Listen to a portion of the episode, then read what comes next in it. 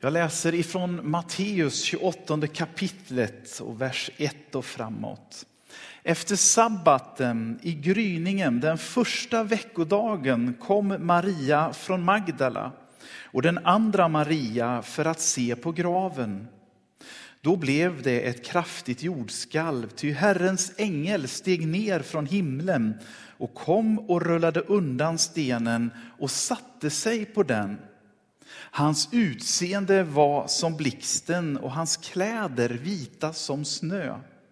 Vakterna skakade av skräck för honom och blev liggande som döda. Men ängeln sa till kvinnorna, var inte rädda. Jag vet att ni söker efter Jesus som blev korsfäst. Han är inte här, han har uppstått så som han sa. Kom och se var han låg.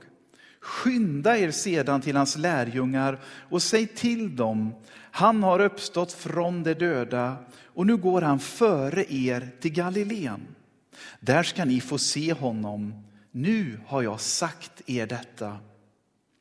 De lämnade genast graven och fyllda av bävan och glädje sprang de för att berätta det för hans lärjungar. Då kom Jesus emot dem och hälsade dem och de gick fram och grep om hans fötter och hyllade honom. Men Jesus sa till dem, var inte rädda.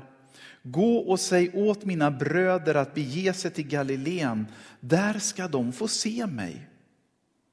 Medan de var på väg kom några ur vaktstyrkan in till staden och berättade för översteprästerna om allt som hade sagts.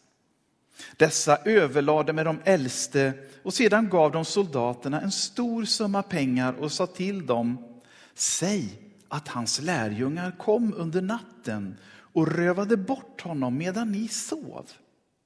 Om ståthållaren får höra detta ska vi tala med honom, så ni behöver inte oroa er.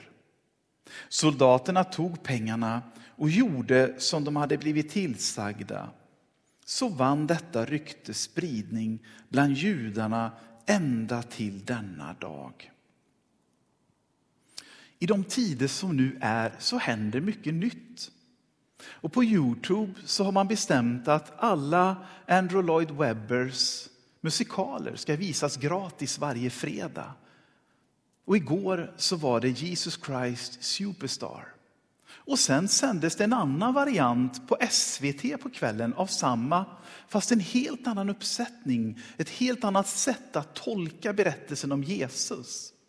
Och jag som aldrig riktigt hade orkat att titta på Jesus Christ Superstar förut, såg nu två på raken igår. Och jag hade ju hört att den är inte riktigt ortodox och renlärig, för dels får man se berättelsen ur Judas ögon och hans frågeställning, och sen slutar det med att Jesus dör med en fråga. Men jag måste säga att efter sista föreställningen igår så kände jag hur det pirrade i hela kroppen och jag var alldeles berörd. För den föreställningen från New York med bland annat den svenska stjärnan som jag precis nu tappade bort namnet på, men det är bland annat Alice Cooper, skräckrockaren som är djupt kristen själv, spelar Herodes Antipas. Slutar hela den här uppsättningen med hur man förstår att han som har regisserat vill visa att Jesus kommer ut ur graven. Och Maggan och jag satt och sa, det här var så starkt. Alltså här är inget tvekan om hur berättelsen om Jesus slutar. Hur han kliver ut ur sin grav en gång för alla. I en sån här tid som vi lever i så är den berättelsen världens enda riktiga hopp. Att Gud har övervunnit döden. Det som skilde oss åt, det som höll oss fångna. Det är övervunnet. Ljuset har vunnit. Graven är tom. Och den kraften, säger Paulus, som uppväckte Jesus från de döda, den kraften låter Gud verka i dig och mig idag, 2020. Jag ska också läsa ifrån Matteus 25, en av mina älsklingsbibelversar som är så spännande. Och Du kan höra lite mer om den i predikan på nätet idag. Herren Sebaot ska på detta berg hålla gästabud för alla folk. Ett gästabud med feta rätter och starkt vin. Med feta mustiga rätter och starkt klarat vin. På detta berg ska han utplåna den slöja som höljer alla folk, det dok som skyler alla folkslag. Han skall utplåna döden för alltid. Herren Gud ska torka tårarna från alla kinder och göra slut på sitt folks förnedring överallt på jorden. Herren har talat. Berget är Sion. Och till skillnad från Sina i berg där lagen ges du vet när judarna har vandrat ut ur Egypten så är Sions berg, eller Sions lilla kulle i Jerusalem, symbolen för att det kommer en ny tid då Gud ska samla alla människor på grund av att någonting sker kring den där kullen i Jerusalem.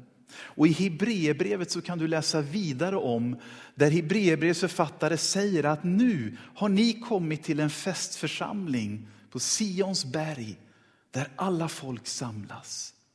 Så den öppna graven, den tomma graven är inte bara för några få religiösa specialister. Utan Gud bjuder in till världens största fest, världens största gästabud, världens största party. Och 700 år innan Jesus kliver ur den graven så profeterar Jesaja detta, att det här är vad som kommer att ske. Och vi kan när vi tittar på Jesus Christ Superstar, när vi tittar på det programmet som var om den frikyrkliga musikskatten som gick på tv igår också, förstå hur stark den här berättelsen är om den uppståndne Jesus och hur den präglar generation efter generation efter generation av människor. Så att musik skrivs, så att konst växer fram, så att modern vetenskap frodas. Allt detta har sitt epicentrum i den tomma graven där Jesus inte längre finns. Amen.